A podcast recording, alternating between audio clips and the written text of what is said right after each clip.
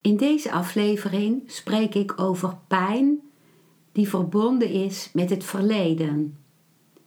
En deel ik de woorden van Ingeborg Bos over een manier waarop je je daarvan kunt bevrijden.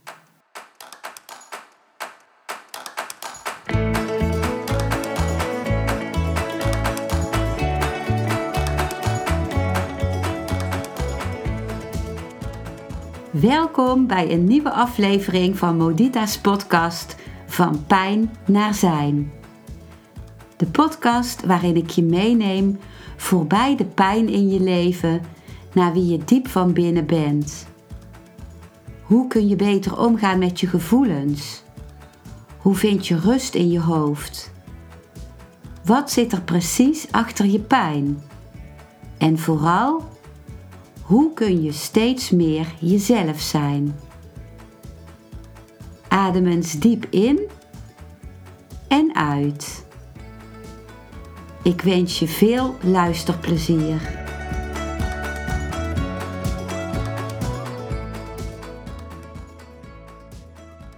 Bijna alle psychologische en fysieke pijn heeft zijn oorsprong in trauma's in de kindertijd. Veel artsen en psychologen onderkennen dat niet, omdat ze dan hun eigen pijn onder ogen moeten komen. We dragen allemaal trauma in ons emotionele brein. Daar is het opgeslagen. Je hoeft het niet allemaal weer te doorleven om jezelf ervan te kunnen bevrijden. Ingeborg Bos ontwikkelde een therapievorm met de naam Past Reality Integration, PRI. Ze laat je daarbij zelf ontdekken dat er een verlossende doorbraak in je leven en in je spirituele groei mogelijk is. Ik lees nu haar woorden voor van haar presentatie in een TED-talk op 22 maart 2018.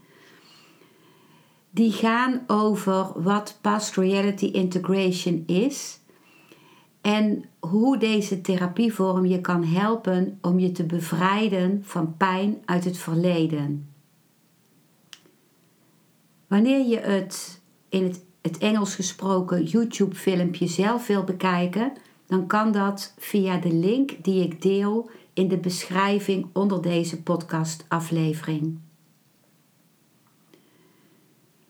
Ingeborg Bos vertelt aan het begin van de presentatie dat alles helemaal goed met haar leek te gaan in haar leven.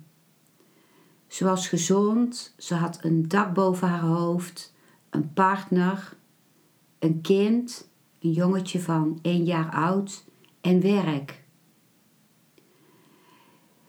En toen zakte ze eigenlijk ineens als verlamd neer in een stoel. En dat was op het moment dat haar echtgenoot zijn baan verloor. Ze kon vanaf dat moment niet meer slapen of bijna niet meer slapen. En daar kwam bij dat haar kind heel veel huilde. Dus dat droeg nog bij aan de slapeloosheid en aan haar uitputting. En toen ging ze op zoek naar wat is er nu eigenlijk met mij aan de hand? Hoe, hoe kan het zo zijn dat ik in één keer instort? Het leek out of the blue, maar dat bleek dus niet zo te zijn. Dan deel ik haar woorden die van zoals ze verder vertelt in deze TED Talk. Als je opgegroeid bent in een vijandige wereld, zie je de hele wereld door die glazen. Ook, dan zie je dus ook vijandigheid als er geen vijandigheid is, omdat je nog steeds door die glazen van het kind kijkt. Als je buurman je dan niet groet, denk je, zie je wel, de wereld is onveilig. Of als je verwaarloosd was als kind, dan zie je nu als volwassene een wereld voor je, of dan zie je dat je in een wereld leeft die niet voor je zorgt. Je blijft dan voelen dat je iets mist. We zien wat we verwachten te zien, ook als het er helemaal niet is. En we reageren erop alsof het er is. En hiermee houden we een vicieuze cirkel in stand zonder dat we het weten. We blijven de wereld zien en reageren erop op de manier van toen we hele kleine kinderen waren. En dat is wat ons ziek maakt. Dus het helen van oude pijn is niet alleen het voelen van de oude pijn, maar ook het ontdekken dat we deze bril dragen. De bril waardoor we kijken als een kind. Van, we kijken door de ogen van het kind dat pijn heeft ervaren. En het is belangrijk bij het helen van onze oude pijn dat we leren die bril af te zetten. Zodat we kunnen stoppen met reageren alsof we in het verleden zouden zijn. En Ingeborg biedt ons een ervaring hiervan aan in de vorm van een oefening. En als je wil, kun je deze oefening meedoen terwijl ik deze woorden lees. Sluit je ogen. Adem een paar keer diep in en uit.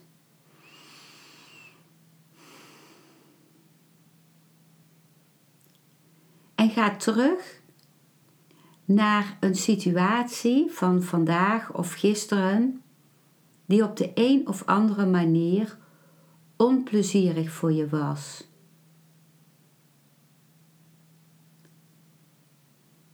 En als je deze normale, wel onprettige situatie gevonden hebt, zoom dan in op die situatie. En probeer het detail van die situatie te vinden die het, dat het meest onplezierig voor je was. Dat is vaak iets wat je ziet of wat je hoort. Dat kan de toon van de stem zijn of bepaalde woorden. Of misschien is het een gebaar. Probeer de situatie te scannen en dat eruit te halen wat het meest pijnlijk voor je is.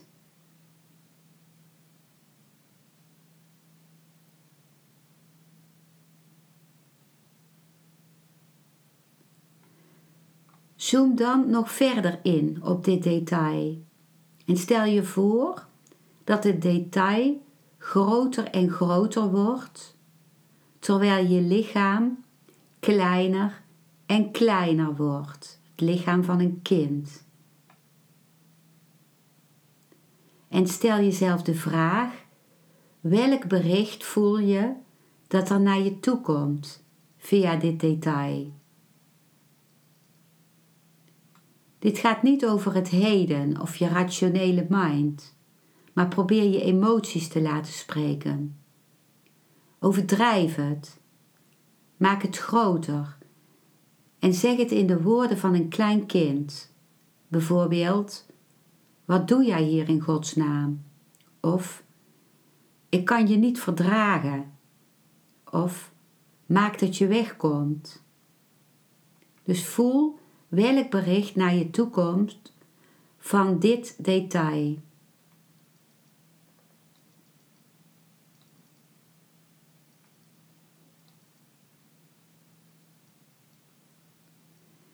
En tenslotte vraag jezelf af: wat is je reactie op deze situatie? Word je angstig? Ga je je minder waardig voelen? Word je geïrriteerd of ga je oordelen?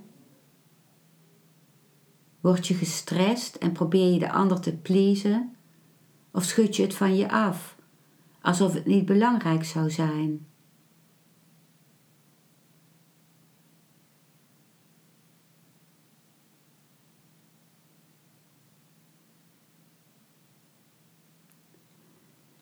Adem nu een paar keer diep in en uit. Nu heb je een kleine indruk van hoe je bril eruit ziet. En vanzelfsprekend heb ik in deze podcast maar heel even gepauzeerd om je alles voor de geest te halen, maar je kunt altijd voor kiezen om deze aflevering nog een keer te beluisteren en dan uh, steeds een pauze in te lassen om alles te voelen.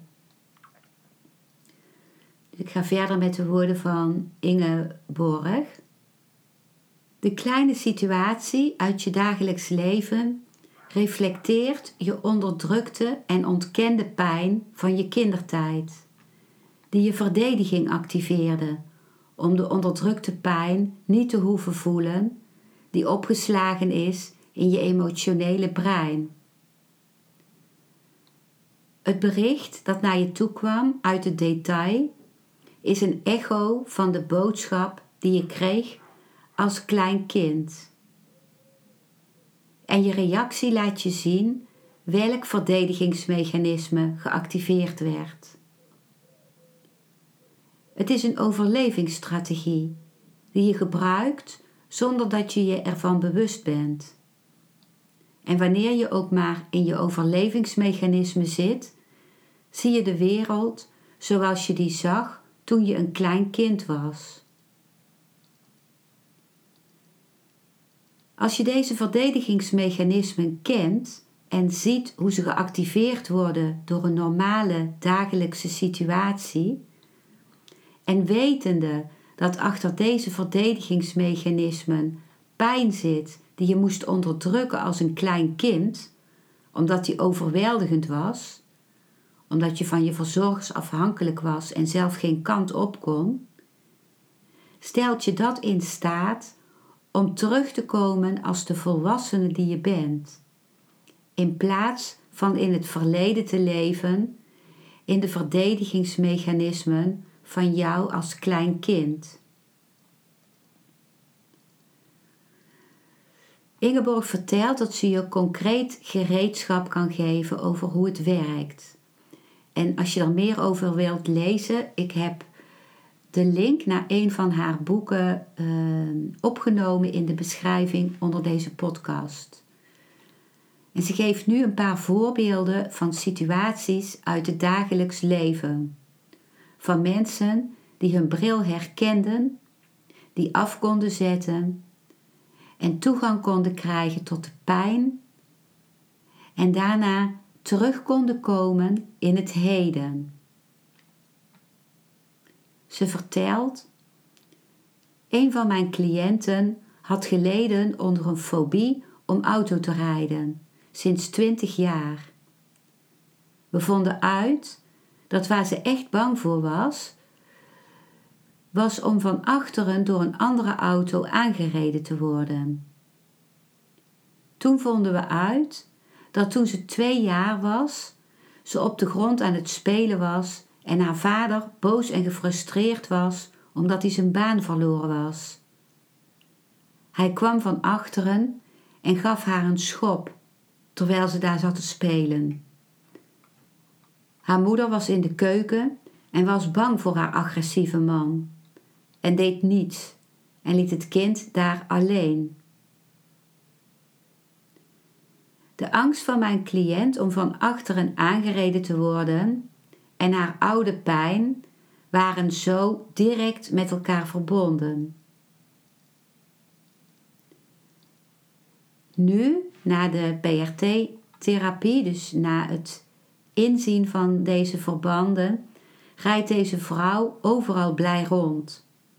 Zelfs nadat haar ergste nachtmerrie bewaarheid werd. Ze werd aangereden door een vrachtwagen en nog wel van achteren. Ze kon kalm blijven en haar angst kwam niet terug. Een ander voorbeeld is van een 56-jarige man die al sinds 15 jaar een cocktail van verschillende antidepressiva nam, omdat hij zich emotioneel niet met anderen kon verbinden. Hij voelde zich verdoofd en ervoer geen vreugde. En kon vooral ook met zijn kinderen geen contact maken. Hij voelde dat er in zijn kindertijd geen emotionele verbondenheid was tussen hem en, en de mensen om hem heen. Omdat in de eerste plaats zijn moeder stierf toen hij zes jaar, zes jaar oud was. En toen begon zijn vader te worstelen met alcoholisme. Toen werd hij bij een tante geplaatst, die zich verplicht voelde om voor hem te zorgen, maar die dat eigenlijk niet wilde. Nu, na de PRT-therapie, kan hij helemaal zonder pillen leven. Kan hij weer vreugde ervaren en kan hij zich emotioneel verbinden met zijn kinderen en ook met anderen. En ik ben een vrouw die bang was, dat vertelt Ingeborg, die bang was om te spreken in het openbaar. Dat was enorm. Ik zou nog liever dood zijn gegaan dan hier vanavond op, deze, op het podium van deze TED-talk te staan. Ik ontdekte dat achter mijn angst de afwijzing van mij als kind schuilging. Nu is spreken in het openbaar onderdeel van mijn leven. In mijn burn-out leed ik niet aan een mysterieuze lichamelijke aandoening. Ook niet aan een chemische disbalans in mijn hersenen. En ook niet aan een genetische voorbestemdheid. Wat er gebeurde was dat toen mijn echtgenoot zijn werk verloor, het kleine, hulpeloze kind dat ik was, aangeraakt werd, zonder dat ik het me realiseerde. En mijn baby die huilde, had mijn eigen huilen van pijn aangeraakt, van de kleine baby die nog steeds in mij zat. Dus deze twee gebeurtenissen hadden de pijn aangeraakt van het kind dat ik was. Dit activeerde mijn verdedigingsmechanisme, bracht me in de overlevingsstand en in totale stress. Wat zou er gebeurd zijn als in die tijd iemand tegen me had gezegd: Ingeborg, wat gebeurt er? Wat ervaar je nu, nu je echtgenoot geen werk heeft? En wat ervaar je nu, nu je kind huilt? Ingeborg, er is een directe link tussen wat je nu ervaart en wat je ervoer als een klein kind. Iets wat je in een overlevingsstand brengt en dus in totale stress. Dat is de reden waarom je niet kunt slapen. En hier kan iets aan gedaan worden.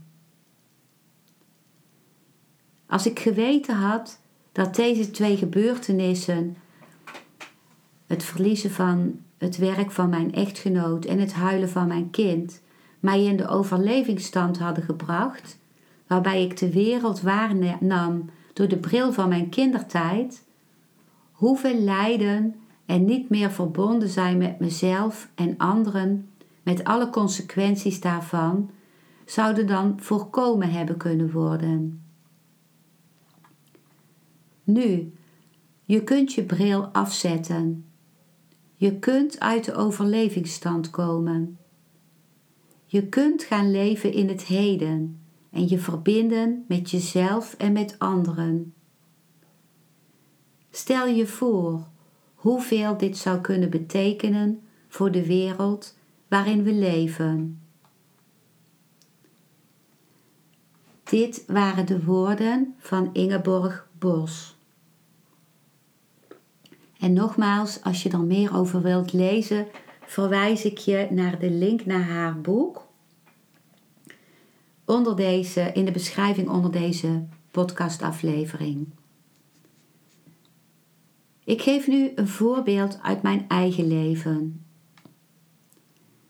Ik zit in de trein samen met mijn zus en ik vertel over mijn nieuwe opleiding Somatic Experiencing.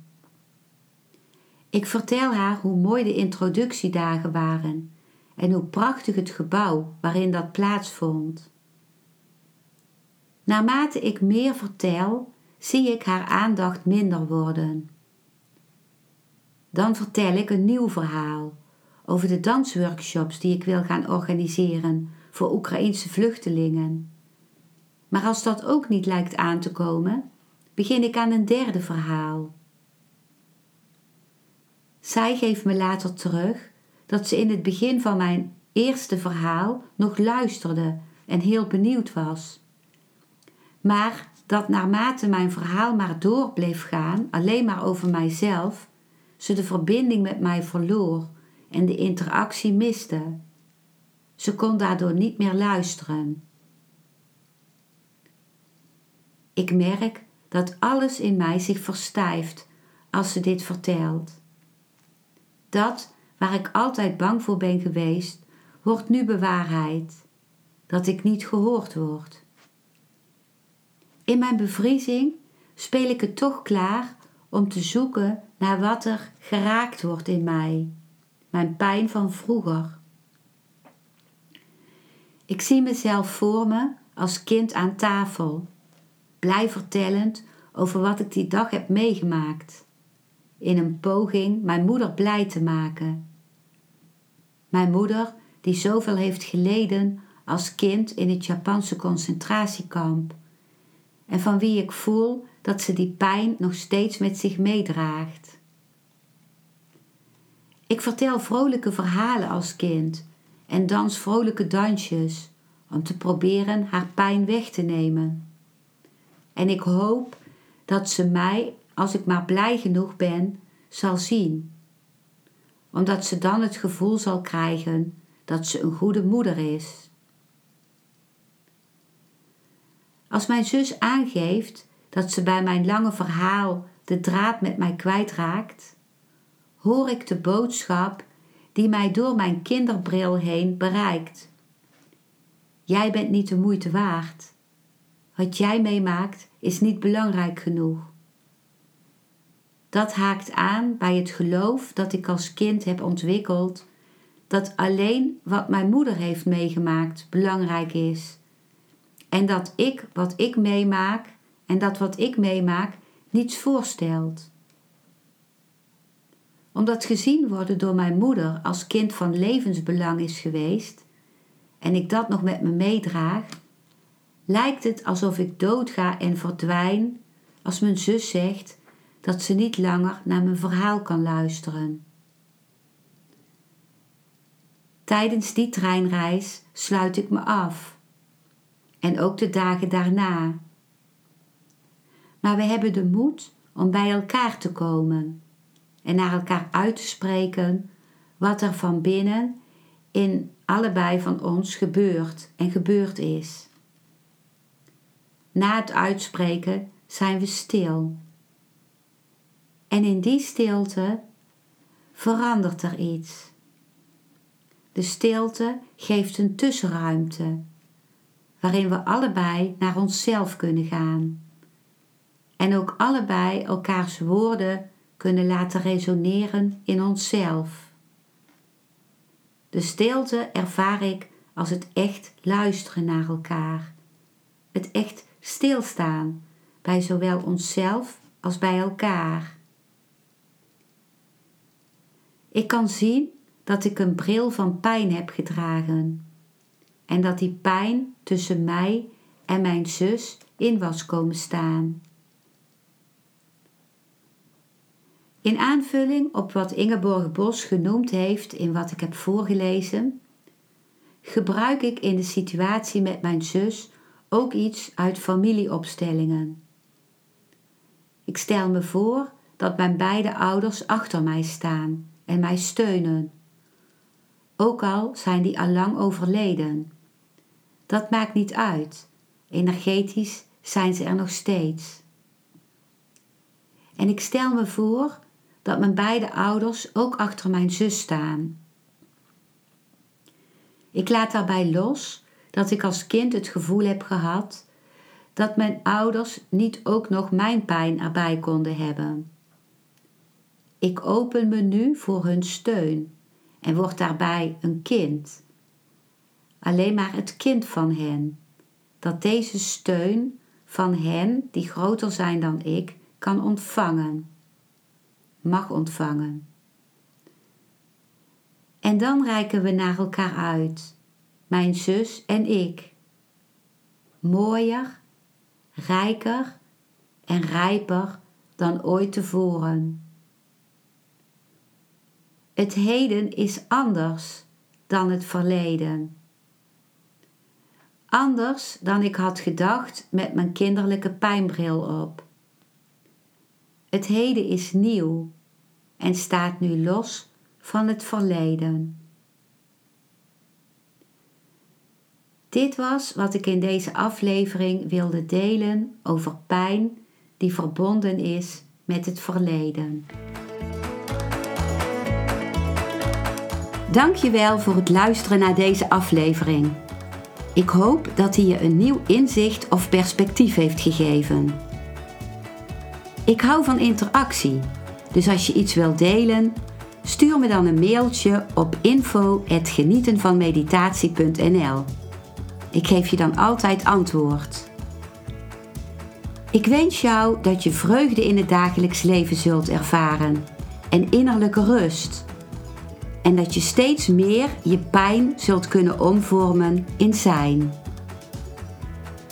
Je kunt de afleveringen van deze podcast volgen via Spotify, Google Podcast, Apple Podcast en Podbean door op de volg- of abonneerknop te klikken.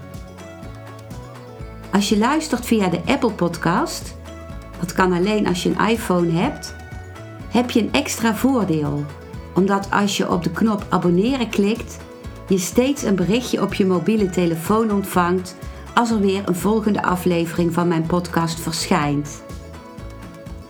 Je bent van harte welkom bij die volgende aflevering.